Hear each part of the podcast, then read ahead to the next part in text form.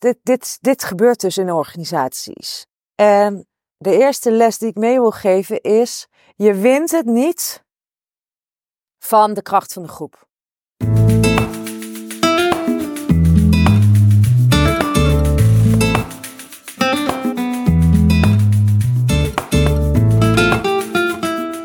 En een hele goede morgen, middag of avond en misschien wel nacht. Welkom bij de Floordaver podcast. De podcast die gaat over voluit gaan in je leiderschap, je helemaal vrij voelen in iedere context en het creëren van high performance teams en uh, nou basically vertel ik over mijn leven. Um, waar ga ik het vandaag over hebben? Ik wil uh, even een beetje context geven. Ik ben weer een week verder. Je weet dat ik vorige week uh, de begrafenis had van de moeder van mijn beste vriendin en dat ik die begrafenis ging leiden. Als je niet weet waar ik het over heb, ga dan even naar de vorige podcast. Pittig weekje NL. Uh, inmiddels ben ik dus ruim een week verder. Zit ik nu thuis lekker op de bank. De zondag. Nog in mijn yoga broek en mijn sweater. En uh, nou ben ik echt wel even bijgekomen afgelopen week. En ik heb weer bijzondere dingen meegemaakt deze week. En daar wil ik met je over delen. Eerst wil ik even iets teruggeven over de begrafenis en hoe dat was. En vooral ook waarom ik het vertel, omdat ik die begrafenis ben uh, gaan begeleiden.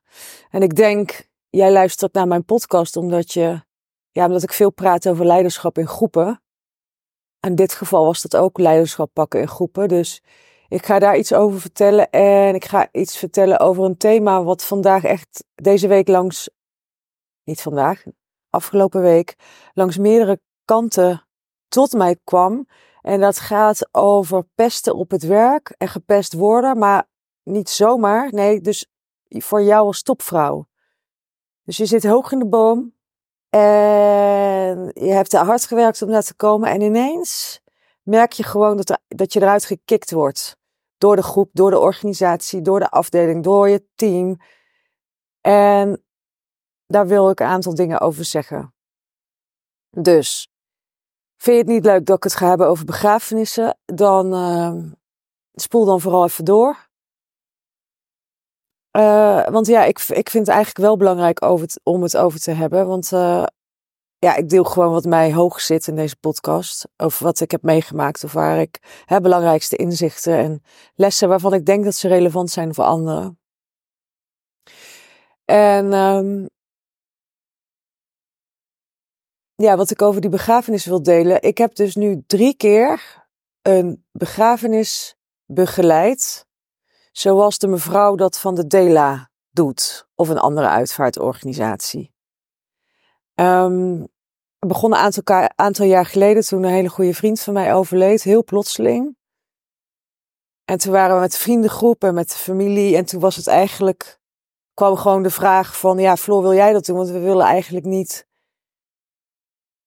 zo'n begrafenis, dat zo'n begrafenisonderneemster dat doet, of ondernemer, dat die dan alles aan, aan elkaar praat. Hoe lief bedoeld, hè?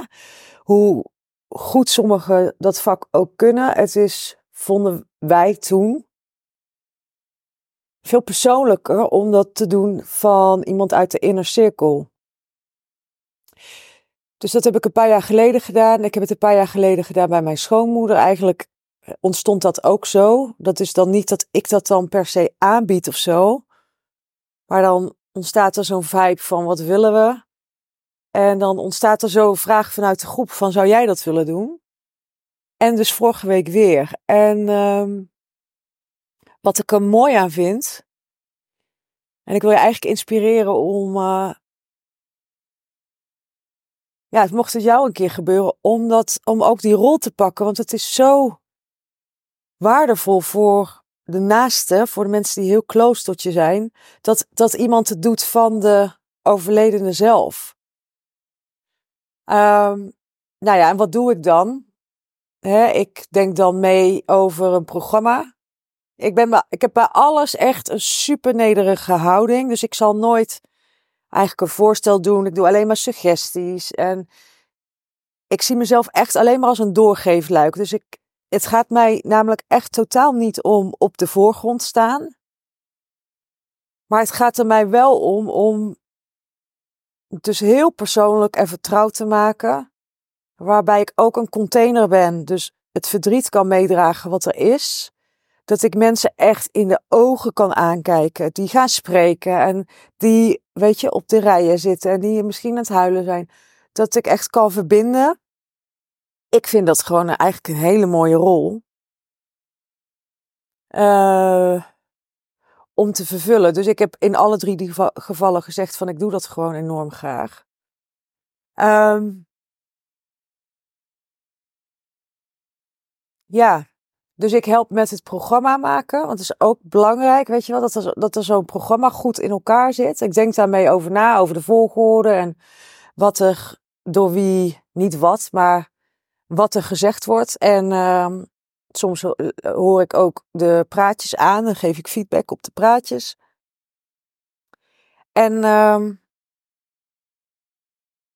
ja, dat was dus, kan je gewoon alleen maar, dus ook in het verdriet kan je dus alleen maar een soort van mega liefde voelen en dankbaarheid voelen. En dat je dat ook wil doen voor degene die is overleden. Dus ook een soort, ja, klinkt misschien gek, maar een cadeau of een soort van respect. Of ja, dus ik weet niet of jij daar wel eens over na hebt gedacht of hoe jij uh, normaal naar een begrafenis gaat of wat je dan ziet of wat je dat ervaart. Weet gewoon, ja, ik heb nu de afgelopen drie keer dus de ervaring dat het heel waardevol is, heel persoonlijk is, heel liefdevol is om mezelf dus aan te bieden. Um, ja, als zo'n begeleider op, op, de, op de dienst, zeg maar, op de ceremonie. En dan moet je natuurlijk alleen doen als je het voelt. Ik merk gewoon elke keer weer, mensen vinden het zo spannend om voor een groep te staan ook. Hè? Dan willen ze heel graag iets vertellen voor een groep. En dan, dan, dan, ik weet zeker dat de helft van de mensen die graag misschien iets willen zeggen, het niet doen omdat ze het te spannend vinden om voor de groep te staan. Dus hoe fijn is het als gewoon iemand even daarvoor staat en je naam roept en even je aankijkt en even gerust te stellen. Dat hoeft niet eens met woorden, maar gewoon even aankijken. Nou, eh, doe ermee wat je wil. Ik wil het gewoon even vertellen dat ik heel uh, ja, fijne ervaringen hiermee heb. En uh, nogmaals, omdat ik weet dat jij ook groepen leidt. Um, Misschien kan je eens een keer die rol vervullen. Ik weet nu al, ik ga er echt niet altijd doen, snap je? Als het heel close wordt voor mij, um, dan wil ik dat niet. Maar dan ga, kan ik misschien iemand anders. Kan ik misschien iemand vragen die ik fijn vind om daar voor die groep te hebben staan. Nou, dus dat was mijn ervaring vorige week. Um, en dan had ik, heb ik dus van de week weer gewerkt. Ik heb een aantal coachsessies gehad, een aantal mensen gesproken in mijn clarity calls. En waar het uh, thema kwam bovendrijven is uh, gepest worden als topvrouw. Weggepest worden als topvrouw. Ik zal een aantal situaties noemen, zodat het wat concreter wordt. En je misschien daar wel of niet in herkent. En dan vervolgens wil ik uh, ja, een aantal wetten vanuit systeemdenken, vanuit groepsdynamica met jou delen die je helpen om het wellicht wat minder persoonlijk te maken als je, als je eruit wordt gekikt door een groep. En ik ga een aantal tips delen wat, wat je concreet aan, doen, kan, aan kan doen om hier uit te komen. En uh, heeft het jou zelf niet betreft, dan is het denk ik goed om wel hierover te leren. Want het is gewoon een feit dat we nog mensen wegpesten in organisaties, ook op het allerhoogste niveau. En ik, uh, nou als je veel met groepen werkt, denk ik dat het, dat het fijn is om hier meer over te weten. Nou, dan komt hier even wat concrete situaties die ik de afgelopen periode heb gehoord. Deze week weer wat specifiek. Dus ik praat even in een aantal situaties. Ik wil ook niet dat mensen zich uh, wel herkennen in mijn verhaal, maar niet het gevoel hebben dat ik hun verhaal aan het vertellen ben. Maar wat ik heb gehoord is uh, dat je bijvoorbeeld, wat er kan gebeuren, dat je in een partnership zit met een aantal personen. En dat je merkt dat jij eigenlijk degene bent die de meeste omzet binnenhaalt of het meest innovatief is. En dat die andere partners dan denken, hé, hey, wat ben jij aan het doen? En eigenlijk merk je dat die andere partners jou eruit aan het duwen zijn. Dat is één situatie. Andere situatie is een consultant die uitblinkt in de rol en wordt gevraagd op de hoogste plekken in de organisaties. Daar herken ik mezelf ook in. Dat gebeurde met mij ook toen ik adviseur was. Um, dat je, in mijn geval was ik HR-consultant. En werd ik dan binnengehaald bij de managers waar, die al, zeg maar, noemen ze dat ook zo hè, in organisaties, drie HR-adviseurs hebben versleten. En dan word jij ingevlogen en dan, word je, dan blijk je dus zo aan te sluiten bij die manager op dat moment. Dat je een soort van walhalla wordt. En dan die manager gaat dat vertellen tegen alle andere managers. En zodoende word je gevraagd voor ook andere managers. En dus dan krijg je de klussen, ideale klussen op je pad. Word je op handen gedragen. Ook nog door je eigen, eigen directeur die dat alleen maar stimuleert. En dan komt er op een gegeven moment een punt dat jouw directeur verwisseld wordt. En dan komt er een directeur die ineens niet zo steunend is of vaardig is en die het misschien helemaal niet zo leuk vindt, allemaal wat je doet. En dan word je langzaam, het is zo pijnlijk, word je langzaam van klussen afgehaald. Moet je dingen gaan doen die je helemaal niet leuk vindt. En word je zo kleiner gemaakt. En uh, bedankt voor degene die dat van de week tegen mij heeft verteld als je deze podcast luistert. Want door jouw verhaal, herinner ik me ineens van, oh, dit, dit, is, gewoon, dit is gewoon mij ook gebeurd. Um, en dat uh, met het geluk dat ik toen zelf ervoor heb gekozen om weg te gaan. Dus ik heb me niet echt ziek gevoeld ervan. Uh, maar dat kan dus wel het effect zijn dat je dus op een gegeven moment je zo klein voelt dat je ziek ervan wordt. Um, dan hebben we nog de situatie van de manager. Die, die is top aan het presteren. Maar die heeft een leidinggevende. En die leidinggevende is eigenlijk niet zo capabel. En daar vind je van alles van. En dan ben je gedreven om daar wat van te zeggen. Maar je merkt gewoon, je gaat hem niet winnen van die incapabele leiding, leidinggevende of directeur. En die gaat ook nog allemaal nare dingen doen zodat jij niet meer voluit kunt gaan, waardoor jij je ook alleen maar kleiner en kleiner en kleiner en kleiner begint te voelen. En op een gegeven moment merkt dat je echt ook er niet lekker van, van wordt.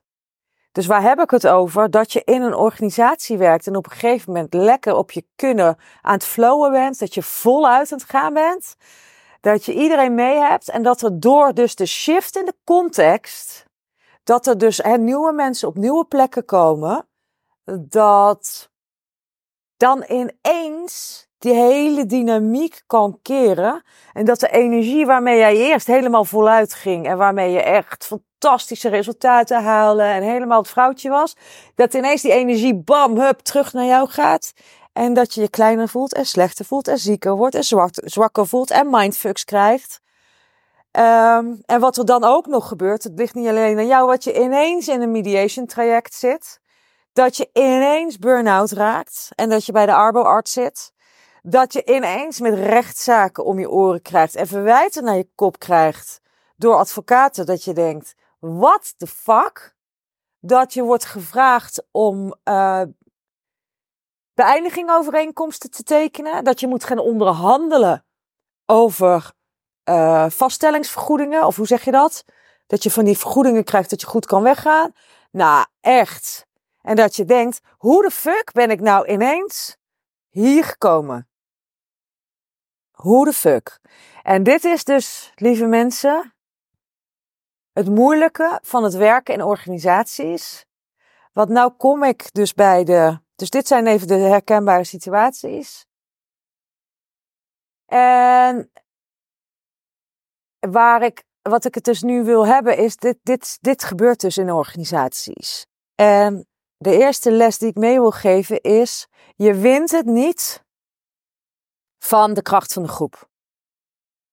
Als we puur naar systeemontwikkeling en groepsdynamica kijken, dan weet ik inmiddels, door al die jaren hierover te leren dat de, en, en te ervaren, dat de kracht van de groep is altijd sterker dan de invloed van jou als individu. Dus de groep die wint het altijd. Als de groep heeft bepaald.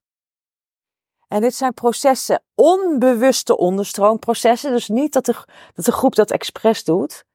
Maar als de groep op een gegeven moment ergens iets wil, dan ga jij het niet in je eentje redden om daar verandering in te krijgen. Even een heel concreet voorbeeld van een punt waar ik zelf ooit ziek ben geweest.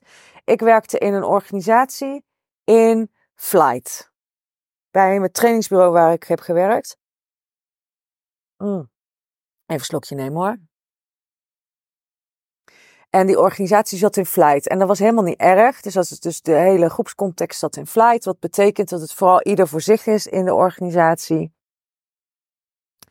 En dat is niet gek als je een trainingsbureau bent, want je bent veel op locatie. Iedereen vliegt in en uit. Dus we hadden ook niet de functie van dat je samen een team bent met een gezamenlijk doel. Maar ik was gewoon zo'n enthousiasteling dat ik in mijn eentje dacht dat ik wel even die verandering kon implementeren. Of ik ging zo hard werken, want ik zag een functie vrijkomen op een managementpositie. En ik dacht, oh, daar wil ik wel voor gaan. En ik ging zo hard rennen. Maar ik werd, doordat ik zo in mijn eentje hard aan het rennen was. Ken je dat? Dat je zo'n paard aan een kar die heel hard aan het trekken is. Overal kansen zien, echt gaan. En zoveel declarabel zijn. En zoveel tonnen omzet binnenhalen. En ik dacht, oh, als ik maar ga, dan ga, dan krijg ik de boel maar wel mee. Tot het punt dat mijn collega werd gevraagd voor de functie waar ik eigenlijk um, zo arrogant was dat ik dacht dat ik hem wel even kon doen. Maar kennelijk hadden ze iemand anders in hun hoofd. En toen kreeg ik zo'n klap op mijn neus. Toen was ik dus zo ervoor gegaan en toen kreeg ik niet wat ik wilde krijgen. En toen knakte ik gewoon. Toen was ik, nou ja, ik had gewoon veel te lang, veel te hard gewerkt. Met een soort van snoepje voor mijn neus. Of een, uh, ja, dat doen mijn honden ook, weet je wel. Die gaan van het snoepje. En zo hard ervoor gaan. En dan op een gegeven moment inzien van, ja, maar ik kan mijn hoofd niet meer stoppen. Ik ben, ik ben overspannen nu. En uh, ja, toen raakte ik dus burn-out. Zo noemen ze tegenwoordig. Ik vind dat ze tegenwoordig voor alles burn-out noemen. Ik noem het nog steeds. Oh, ik was echt keihard overspannen. Ik ben er negen maanden uitgelegd. Heb ik het toen uitgelegd. Maar om aan te geven dat je in je eentje kan je dus niet zo'n hele verandering trekken. Je moet altijd meegaan met een soort van gemiddelde waar de groep is. Je moet zien wat, wat er gebeurt in de dynamiek. Je moet een subgroep regelen. Wil je een verandering teweeg brengen? Want dat gaat niet alleen. Je wint het nooit van de kracht van de groep. Die is altijd sterker. Oké, dat is mijn eerste takeaway. Mijn andere takeaway die ik mee wil geven is ben je een te groot verschil voor de groep, dan word je eruit gekikt. Ben je een te groot verschil voor de groep, dan word je eruit gekikt. Dus je moet heel bewust zijn van jezelf. Ik weet namelijk hoe groot de kracht is van de onderstroom van de groep als je een te groot verschil bent. Oh jongens, er komen zoveel verhalen op bij mij. Echt, ik kan zoveel hierover delen. Maar ik vertel even nu verhalen van mijn eigen exploraties in de groepsdynamische processen die ik, uh, wat ik al 13 jaar doe. Snap je? Ik ben al 13 jaar me door groepen heen aan het begeven. En ook dan heb ik de kant geëxploreerd van, dus doorleefd en gevoeld van het zwarte schaap, maar ook van de bully. De bully is degene die het zwarte schaap eruit duwt. Dus dit, zijn, dit is een dynamiek, dit zijn twee patronen. En er zijn altijd in zo'n, op het moment dat er een zwart schaap is in de groep, dus een zwart schaap is degene met het grootste verschil. Als je die hebt in de groep, op een gegeven moment als bully, hè, dus ik praat even vanuit de dader Op een gegeven moment ga je echt iemand irritant vinden in de groep omdat hij dingen zegt die niet meer aansluiten bij de rest. Die ook gewoon gekke dingen doet. En rare dingen doet. En op een gegeven moment vind je gewoon iemand irritant. En dan wil je eigenlijk iemand gewoon weg hebben en daar ga je niet hardop zeggen. Dus dan ga je negeren of je gaat stiekem roddelen over die ander of je voelt de neiging om te roddelen in ieder geval. Um, en misschien zeg je er wel, misschien word je boos op iemand. Dus dat zijn krachten die er onbewust gebeuren. Maar die gebeuren niet alleen bij jou als dader of als bully. Dat hebben dus meerdere mensen. En op een gegeven moment, als die kracht zich gaat bundelen, gaan zich die, die groep verzetten zich dus tegen het verschil. Nou ben ik ook al echt al een aantal keer het verschil geweest. Dus ik ga nu even vanuit het perspectief van de um, zwarte schaap praten die kracht, puur de energie. Dus nu heb ik het nog niet eens over de daden, maar puur de energie in de onderstroom die naar jou gaat als de groep zich tegen je keert. Die groep is zo, uh, sorry, die energie is zo krachtig. Dan word je dus letterlijk voor je gevoel die groep uitgeduwd. En dan kan je je ziek doorvoelen. En zijn ongelooflijk sterke dynamieken die je die je als het gebeurt, die je niet tegen kan gaan. Dus weet dat er gebeuren, dingen gebeuren in een groepsdynamiek, waarbij als jij te veel verschilt, een te groot verschil bent voor de groep op dat moment, dat je eruit wordt gekikt. En mijn laatste takeaway is, en ik weet dat het heel, heel moeilijk is om te begrijpen, maar weet, het ligt niet alleen aan jou, aan jou als persoon. Don't take it personal. Dit is groepsdynamica, dit is de kracht van de groep, hoe pijnlijk het ook is. En ik weet dat je het wel persoonlijk gaat nemen. Het heeft mij jaren gekost om echt te ownen en te voelen dat als ik weet, dit gebeurt nu in de groep, dan ben ik waarschijnlijk een te groot verschil. Oké, voor deze groep, dan is het misschien handig om weg te gaan met opgeven hoofd. Um, en te denken, dit is misschien niet nu op deze groep voor mij op dit moment. Of misschien kan je, als je niet voelt dat je weg wil gaan, kan je misschien andere dingen doen om te zorgen dat je er wel bij blijft. Maar dan zal je wel je gedrag moeten aanpassen. Maar in alle gevallen, of je nu weggaat of dat je blijft, weet, het ligt niet alleen aan jou. Don't take it personal. Je bent gewoon een universeel proces op dit moment, want het gebeurt namelijk in elke groep die in fight phase zit, dus die in vechtfase zit. Het gebeurt in elke groep. Uh, en het zijn dus universele groepsdynamische processen. Don't take it personal. Ja? Dus drie, drie takeaways, drie lessen. Je wint het niet van de kracht van de groep, dat is één. Twee, ben je een te groot verschil, dan kikt de groepje eruit. En drie, het ligt niet alleen aan jou. Don't take it personal. Want het ligt aan de groepsdynamiek, aan de groepsfase. Gebeurt het je wel? Voel je dat het eraan zit te komen? Voel je dat je het zwarte schaap bent? Ben je er misschien al uitgekikt en, en ben je ziek thuis en denk je met een nervous breakdown en denk je, fuck hé, hey, wat is me nou overkomen? En zit je in die burn-out? Um, in beide gevallen zijn mijn tips, mijn inzichten, mijn lessen voor jou. Eén, erken dat dit gebeurd is. En haal er jouw levensles uit. Ga niet om je heen mappen. Ga niet alleen maar de schuld bij de groep leggen en denken die groep is achterlijk. Nee, jij hebt ook iets gedaan wat maakt dat je in deze situatie terecht bent gekomen. In mijn geval van mijn burn-out ik was jong, ik was naïef. Ik dacht dat ik wel in mijn eentje die kaart kon trekken. Um, toen ik niemand meekreeg, werd ik zo boos op anderen. Weet je wel, dat waren allemaal hele heftige lessen waar ik doorheen mocht. En de belangrijkste les die ik in die, in die overspannenheid heb geleerd, zeg ik het weer, burn-out, terwijl ik overspannenheid bedoel. Maar de belangrijkste les die ik daaruit heb gehaald, toen ik helemaal niet meer kon, uh, niks meer kon. Ik kon niet meer werken. Ik lag in mijn bed, pijn te hebben. Ik ging elke keer door mijn rug. Ik kon nog net mijn tweejarige zoon van de crash halen. Dat is echt zo'n beetje na zes weken geloof ik. Ik geloof dat ik de eerste zes weken dat niet kon.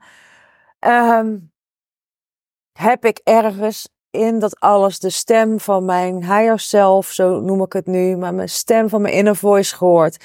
En die stem die zei, ook na het lezen trouwens van uh, het boek van Eckhart Tolle, Nieuwe Aarde, echt een aanrader. Mocht jij in een uh, overspannen burn-out situatie zitten, uh, echt de les kwam door van Floor, je bent precies goed genoeg zoals je bent. Je hebt helemaal geen bevestiging nodig. Je bent gewoon een kanjer, je hebt waanzinnige talenten en krachten. En laat je nu niet door deze tegenslag pakken. Dus uh, er zit een levensles in voor jou. En ga zitten, zoek die stilte op. Ga, hou het bij jezelf en ga je les eruit halen. Het zijn gewoon grote lessen waarom dit je overkomt. Um, dus erkennen dat er een les voor je in zit. Dat is één. Tweeën, ga healen. Ga je werk doen. Ga in het geval van iemand die ik sprak van de week met mij, dat vond ik zo mooi, van ga een gesprek over hoe je hieruit kan stappen met iemand. Zoek mensen om je heen. Ga niet alleen dit proberen op te lossen. Ga aan wat je te healen hebt. Ga vooral ook leren over groepen, zodat je, hoe meer je leert over groepen, hoe, hoe minder je dingen persoonlijk gaat nemen. En um, ja, ga leren over groepen. Zoek coaches die ook snappen hoe het is, werkt in systemen.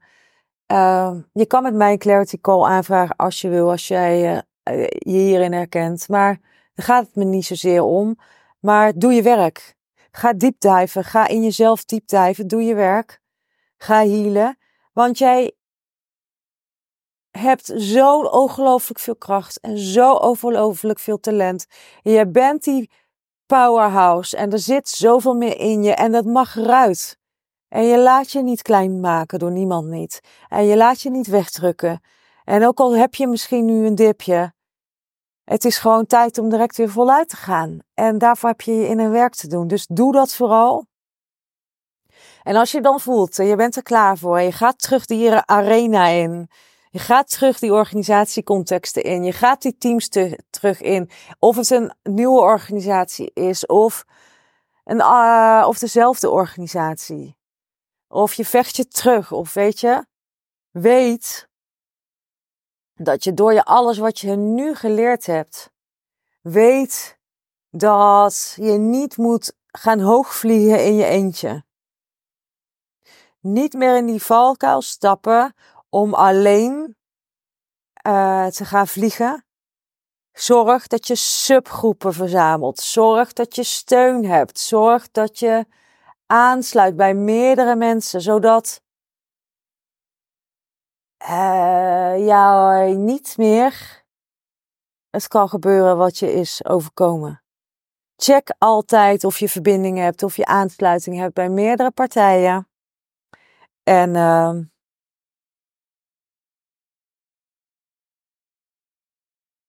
ga groepen zien. Ga systemen zien. Dan wordt het zoveel makkelijker om een klant van mij zei laatst. Die zei laatst die ook dingen allemaal persoonlijk nam in groepen. Die zei, ja, ik ervaar, ik ben zoveel invloedrijker nu. Ik hoef zoveel meer te, minder, ik ben zoveel invloedrijker, terwijl ik zoveel minder hard hoef te werken.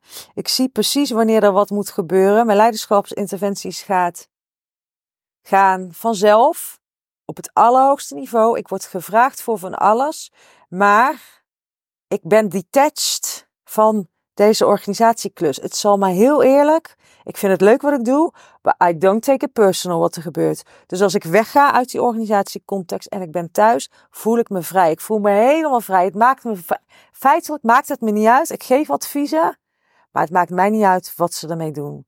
Oftewel, je bent, zij is detached niet meer afhankelijk van wat er gebeurt van die organisatie. En dan ben je dus zo vrij. Ik was zo trots op, uh, op haar. Dan ben je dus zo vrij. En dan kan je zo makkelijk bewegen. En al krijg je een keer commentaar, dan denk je, nou, soms neem je iets als commentaar, als feedback. En soms denk je, ja, dit is echt projectie van jou, weet je wat? Ik zeg meer over jou dan over mij. En uh, dat is wat je wil met voluit gaan. In iedere context en je vrij voelen. triggervrij voelen. Dat, daar is werk voor nodig. Daar is heel veel innerwerk voor nodig. Dat ligt niet aan anderen, dat ligt niet aan de groep. Maar wat ik je dus wil, vooral wil meegeven is erken als je gepakt bent door de kracht van de groep. Erken de levensles die er voor je in zit. Durf te diepdijven in jezelf, zodat je jezelf helemaal kan healen. En dan kan je weer voluit terug de arena in, waarbij je je uitdaagt om aan te sluiten bij verschillende subgroepen in organisaties. Dus zorg dat je niet in je eentje gaat hoogvliegen. Gaat hoogvliegen en zorg dat je detached bent van de uitkomst van je adviezen of van je leiderschapsinterventies. Maar je moet wel de beste en de beste leiderschapsinterventies doen. Waarbij je dus rekening houdt met groepsdynamiek, met organisatiecontext. Want alleen dan kan je voluit gaan en je vrij voelen in iedere context. Zo, nou ik hoor dat ik zelf helemaal voluit ben gegaan. Zeker het tweede deel van deze podcast. Uh, laat me weten wat je ervan vond. Als je reactie wil, uh, uh, ja, dat ma reactie mag via Spotify of via Apple Podcast. Even dat je daar een berichtje achterlaat. Vergeet niet vijf sterren even te geven, want ik ben die sterren aan het opbouwen. Dus waardeer je het wat ik doe, geef me alsjeblieft vijf sterren. Beide ook op Apple en uh, Spotify. Um, nog belangrijker, als je denkt dat hier wat inzicht voor, in zit in mijn verhaal voor iemand die jij kent, stuur alsjeblieft deze podcast door. En heb je behoefte aan een call met mij, dan boek je een clarity call in uh, met de link in de show notes. Um, dankjewel voor het luisteren. Ja, we hebben echt, zolang zolang er dit soort groepsdynamieken zijn, zolang er zoveel gepest wordt, zolang we zelf met onze, al onze kracht die we in me hebben, ons laten indammen, ons vuur laten doven, hebben we werk te doen. Want er is zoveel werk te doen in groepen. En laten we er vooral samen, samen voor gaan. Ja, ik spreek je weer volgende week. Dan ben ik weer terug. Heel veel van Floor. Doei doei.